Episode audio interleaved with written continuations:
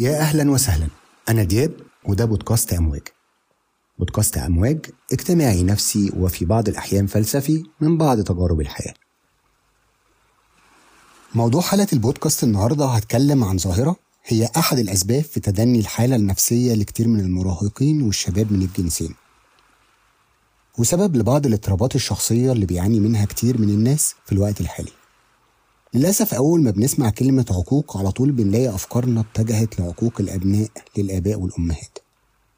وده الموضوع اللي إحنا متعودين دايما نسمع عنه واللي هو فعلا وبدون إنكار موضوع مهم شرعا وعرفا.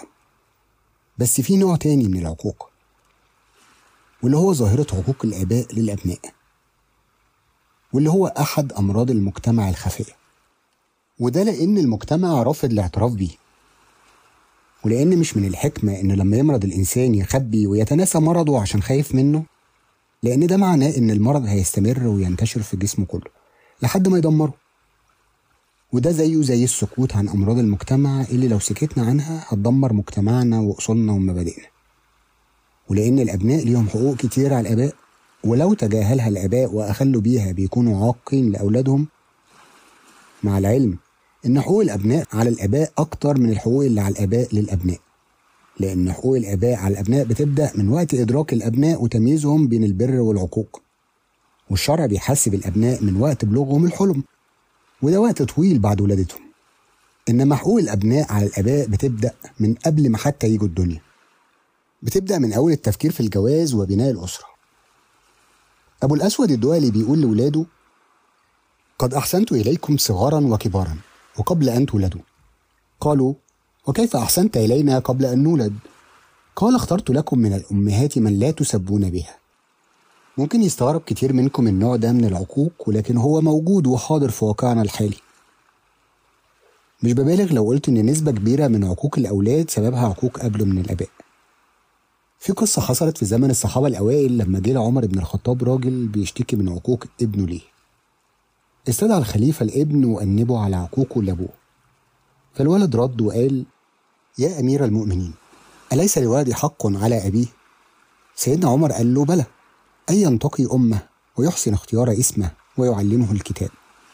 فقال الولد إن أبي لم يفعل شيئا من ذلك فأمي زنجية كانت لمجوسي وقد سماني جعلا يعني خنفسة ولم يعلمني من الكتاب حرفا.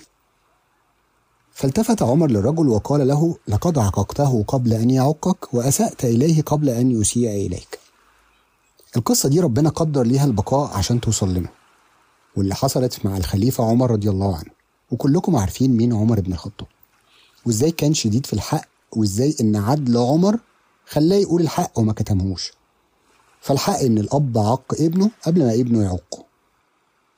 طيب في الأول خلينا نتفق إن الذرية هبة من الله ونعمة عظيمة.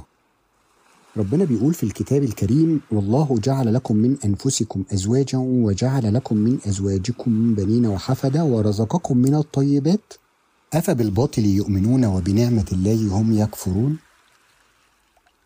الأولاد من أهم الأرزاق اللي بيسعى ليها الإنسان في الدنيا ومن أعز الأمنيات لقلبه وأجمل الرغبات في نفسه بيدعي الإنسان إن ربنا يرزقه الذرية الطيبة الصالحة اللي تقر عينه وتسعد قلبه. واللي ربنا ذكرها في سورة الفرقان على لسان الصالحين من عباده لما قال والذين يقولون ربنا هب لنا من أزواجنا وذرياتنا قرة أعين واجعلنا للمتقين إماما. الأولاد هم زهرة اليوم وثمرة الغد وأمل المستقبل. ولما يكونوا صالحين بيبروا ويطيعوا وينفعوا أبائهم في الدنيا وحتى بعد الموت. الرسول صلى الله عليه وسلم قال إذا مات ابن آدم انقطع عمله إلا من ثلاث صدقة جارية أو علم ينتفع به أو ولد صالح يدعو له. في صور منتشرة لعقوق الآباء للأبناء واللي منها التفرقة في المعاملة. في بعض الآباء والأمهات للأسف بيحس إن واحد أو بعض الأولاد أقرب إلى قلوبهم من أولادهم الباقيين فبيظهر ده في معاملتهم. وده بيولد الحقد والكره من الولد للأم والأب وإخواتهم كمان. مقدار الحب في قلب الإنسان محدش يقدر يحجر عليه. يعقوب عليه السلام حب يوسف عليه السلام أكتر من إخواته. وده سبب بغض في قلوبهم ليوسف وفكروا في محاولة قتله ورموه في البير. مع العلم إن سيدنا يعقوب كان مدرك لده وكان بيحاول يخفيه بكل شكل. عشان كده لما رأى يوسف عليه السلام الرؤيا حكى لأبوه إني رأيت أحد عشر كوكبا والشمس والقمر رأيتهم لي ساجدين. سيدنا يعقوب رد عليه وقال له يا بني لا تقصص رؤياك على إخوتك فيكيدوا لك كيدا. إن الشيطان للإنسان عدو مبين. وفسر الرؤيا في نفسه وأدرك خطر معرفة إخوات سيدنا يوسف للرؤيا. فنصحه إنه يخفي الرؤيا عن إخواته. وعشان إحنا مش هنقدر نجبر قلوبنا تحب الأولاد بالتساوي فلازم الحب ده يظهر في الأعمال المادية. يعني نعدل في الهدية والعطية والابتسامة والقبلة على قد ما نقدر. تاني صورة هي طبيعة التعامل. مهم جدا إن الآباء لازم يفهموا طبيعة المرحلة اللي بيعيشها أولادهم ولازم يدركوا كمان إنهم من أجيال مختلفة عنهم. والبيئة المحيطة والتقدم وال social media والسرعة في كل حاجة بيعمل تأثير مختلف عما كان جيل الآباء والأجداد. تالت صورة هي الاستبداد وهي إن بعض الآباء بيتعاملوا إنهم ليهم الحق الأوحد في كل حاجة وإن ولادهم دايما غلط. فبيحس الأولاد إن أهلهم ما عندهمش القدرة على الكلام والحوار والنقاش وإنهم دايما بيقللوا منهم. وده بيعمل فجوة كبيرة بينهم وبين الآباء والأمهات. أنت عارف إن احترام آراء الأبناء وسماعهم والتحاور معاهم وإقناعهم هو الطريق للتربية السليمة؟ في بعض أوقات الخلاف ممكن يوصل الموضوع لحرمان الابن أو البنت من خصوصيته في تليفونه أو في أوضته. والتدخل في التفاصيل الصغيرة بغرض الحماية. ومن هنا هنبدأ نسمع جمل زي مش هقدر أقول لماما أو بابا على اللي حصل عشان ما يتخانقوش معايا. وده لأن الابن فقد الشعور بالأمان وإنه بقى مش محل ثقة من طريقة معاملتهم دي. الأب والأم لازم يكونوا أصدقاء لأولادهم ويتقبلوهم بجميع خياراتهم. ويحاولوا على قد ما يقدروا يقوموا السلوك من خلال الحوار والانضباط السوي. مش بالأوامر التعسفية من غير حوار واعي بالأسباب. ونسيب حرية الاختيار والتجربة للابن. ومش صح برضه إن إحنا نعمل كل مسؤوليات الحياة بدلهم نعمل الأوراق الحكومية أو نتحمل مية في المية من المسؤولية المادية أو أعمال منزلية عنهم. ده بيعلمهم انعدام المسؤولية ويخليهم فاقدين لأبسط مهارات الحياة. دكتور جوردون بيتروسون بيقول لا تقم بأي عمل لأطفالك يستطيعون هم القيام به. لازم تخلي ولادك يخوضوا التجربة الذاتية. وممكن تحاورهم بعد كده في المواقف وتتناقش معاهم في المفاهيم وتتقبل رؤيتهم للواقع وما تفرضش نفسك وآرائك وكأنك أنت اللي عارف كل الحقائق المطلقة وتخليهم نسخة منك. حرمانهم من التجارب بغرض الحماية بيخلي العقل غير متمرس في مواجهة المخاوف الخارجية. وطبعا هيبدأ في صناعة مخاوف داخلية بشكل منطقي أو غير منطقي في شكل قلق أو وساوس فكرية. ويخافوا يدخلوا في تجارب حياتية في جملة قريتها في كتاب أبي الذي أكره للطبيب والكاتب عماد رشاد عثمان. بيقول يظن الآباء أنهم بصفعاتهم يؤهلون لعالم قاس لن يربط على ظهورنا. لا يدرون أن ربطتهم الغائبة هي ما كانت ستؤهلنا لقسوته وأن صفعاتهم لم تصنع فينا سوى أن منحت الخوف وطنا داخل نفوسنا. ومع أن الآباء والأمهات مش ملايكة ما بتغلطش بعض الآباء والأمهات بتعتقد إنهم لو اعترفوا بغلطهم في أي موقف ممكن صورتهم تتهز قدام ولادهم. ولو حصل في لحظة إنها اتهزت هترجع تثبت لأن ده في حد ذاته تعليم وتربية للولاد لأننا بشر وبنغلط. وبرضه بيتعلموا إن الاعتراف بالخطأ قوة وإرادة ونية للتصحيح والإصلاح. في نوع تاني من الاستبداد واللي هو الاستبداد في القرار. وخاصة لو القرار ده يخص الأولاد. زي إن أب يجوز بنته بشخص من غير رضاها أو يختار كلية معينة أو تخصص معين لابنه أو يفرض عليه شغل معين مش بيحبه.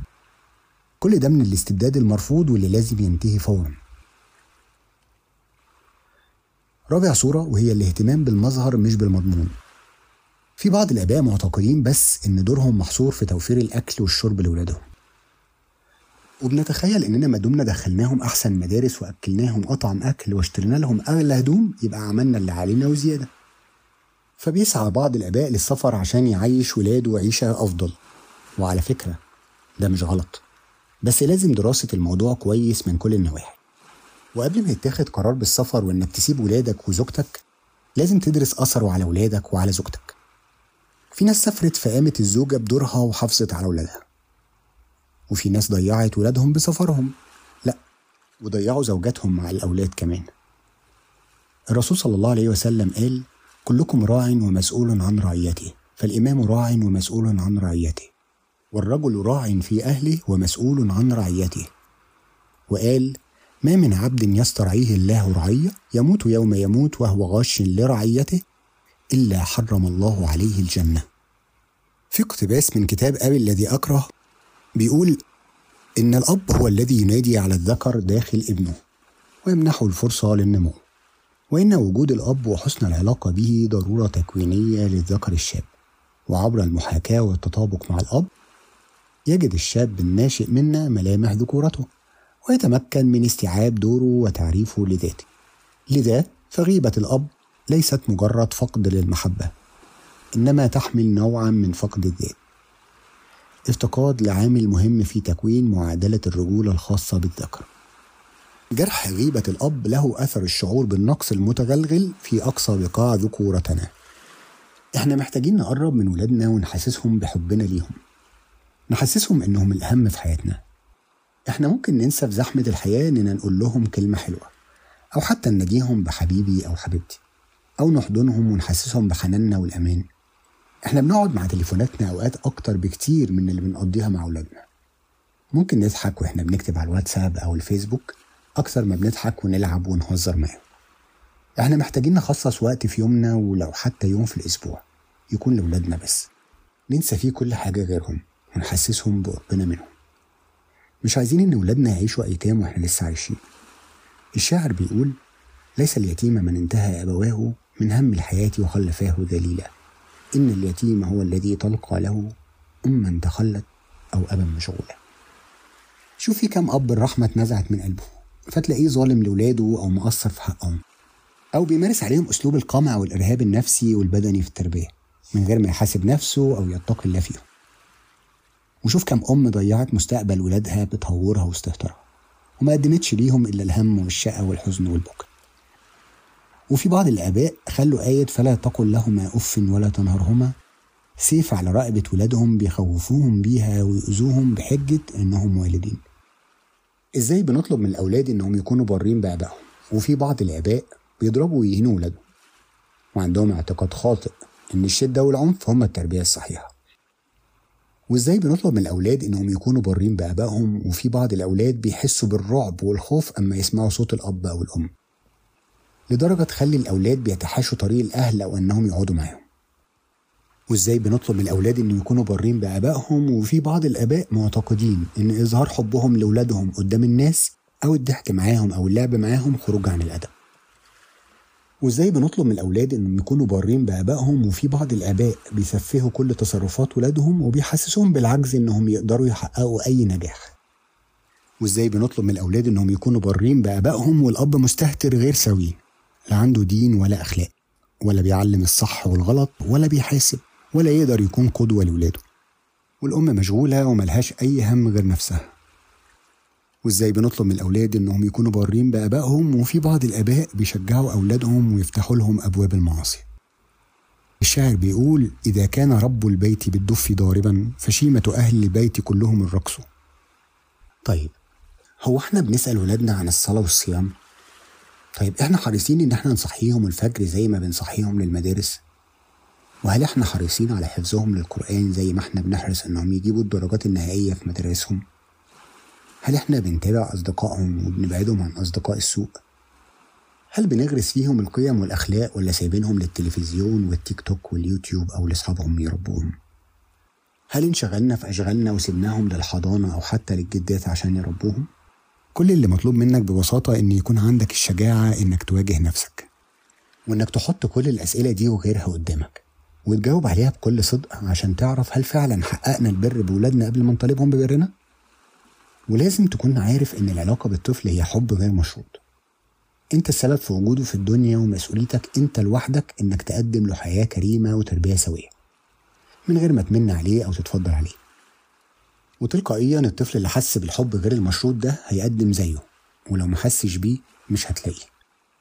يعني على قد ما ندي ولادنا الرعاية والاهتمام والحب والحنان وهم صغيرين على قد ما هيعاملونا بيهم لما نكبر ونكون محتاجين ليهم وطبعا العكس صحيح. لازم نكون عارفين إن القسوة طريق العقوق والعطف والحنان طريق البر والآباء هم المسؤولين أولا وأخيرا عن حرمان نفسهم من ولادهم في صغرهم وكبرهم.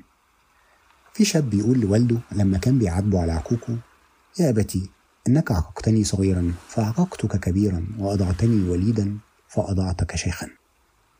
طيب هنطبق ده عملي إزاي؟ أول حاجة تابع ولادك دينيا وأخلاقيا. واغرس قيم الدين فيهم عن طريق سماع درس أو قراءة كتاب وتحاول تبسطه لهم أو اشتري كتب أطفال عن تعليم الدين. ابدأ فورا في تعليم وتحفيظ وربط ولادك بالقرآن. عن طريق المسجد أو تابعهم أنت في البيت. خصص وقت يوميا أو حتى أسبوعيا لولادك. تقعد معاهم وتتابع أخبارهم وتعرف اهتماماتهم وكمان تلعب معاهم. اقرأ في كتب التربية واعرف أساليب التربية الصحيحة. وأنصحك بكتاب تأسيس عقلية الطفل لعبد الكريم بكار. دور على وسائل بديلة للعقاب غير الضرب والإيذاء البدني والنفسي. بدل الكلمات الشديدة بكلمات رحمة وحب. في كلمات لجبران خليل جبران في كتاب النبي بيقول فيها أولادكم ليسوا لكم. أولادكم أبناء الحياة المشتاقة إلى نفسها. بكم يأتون إلى الحياة ولكن ليس منكم. ومع أنهم يعيشون معكم فهم ليسوا ملكا لكم. أنتم تستطيعون أن تمنحوهم محبتكم ولكنكم لا تقدرون أن تغرزوا فيهم بذور أفكاركم لأن لهم أفكارا خاصة بهم. وفي طاقاتكم أن تصنعوا المساكن لأجسادهم ولكن نفوسهم لا تقطن في مساكنكم. فهي تقطن في مسكن الغد الذي لا تستطيعون أن تزوروه حتى ولا في أحلامكم. وإن لكم أن تجاهدوا لكي تصيروا مثلهم ولكنكم عبثا تحاولون أن تجعلوهم مثلكم لأن الحياة لا ترجع إلى الوراء ولا تلذ لها الإقامة في منزل الأمس. لو عجبك البودكاست هطلب منك تعرفه لأصحابك. ولو شايف إن الحلقة مفيدة وممكن تساعد حد من أهلك أو أصحابك يا ريت تشاركها معاه وهكون مبسوط جدا لو سبت تعليق على الحلقة لأنه بيفرق جدا وبيخلي البودكاست ينتشر. وممكن تتابع أو تشترك في البودكاست وهتلاقيه موجود على معظم منصات البودكاست. ولو عندك رأي أو فكرة الحلقة ممكن تبعتها لي على منصة إكس أو اللي هو تويتر وهتلاقي الصفحة باسم بودكاست أمواج أو أمواج أندرسكور بودكاست وهرد عليك في أسرع وقت إن شاء الله. وفي النهاية وبعد ما اتكلمت في كل عناصر موضوعنا النهاردة يا رب أكون قدرت أساعد ولو لجزء بسيط في توضيح بعض الأمور. واللي ممكن تكون شغلت بال بعضكم في وقت ما. وحابب أشكركم على سعة صدوركم وحرصكم على سماع الحلقة لنهايتها. وفي حالة وجود أي خطأ غير مقصود فأنا أتوجه لكم باعتذار لأنه مفيش ألم ما بيغلطش. ولا قول لا يؤخذ عليه ويرد إلا قول رسول الله صلى الله عليه وسلم. مش هقول وداع ولكن هقول هنتقابل قريب في حلقة جديدة بموضوع جديد بإذن الله. والسلام عليكم ورحمة الله وبركاته.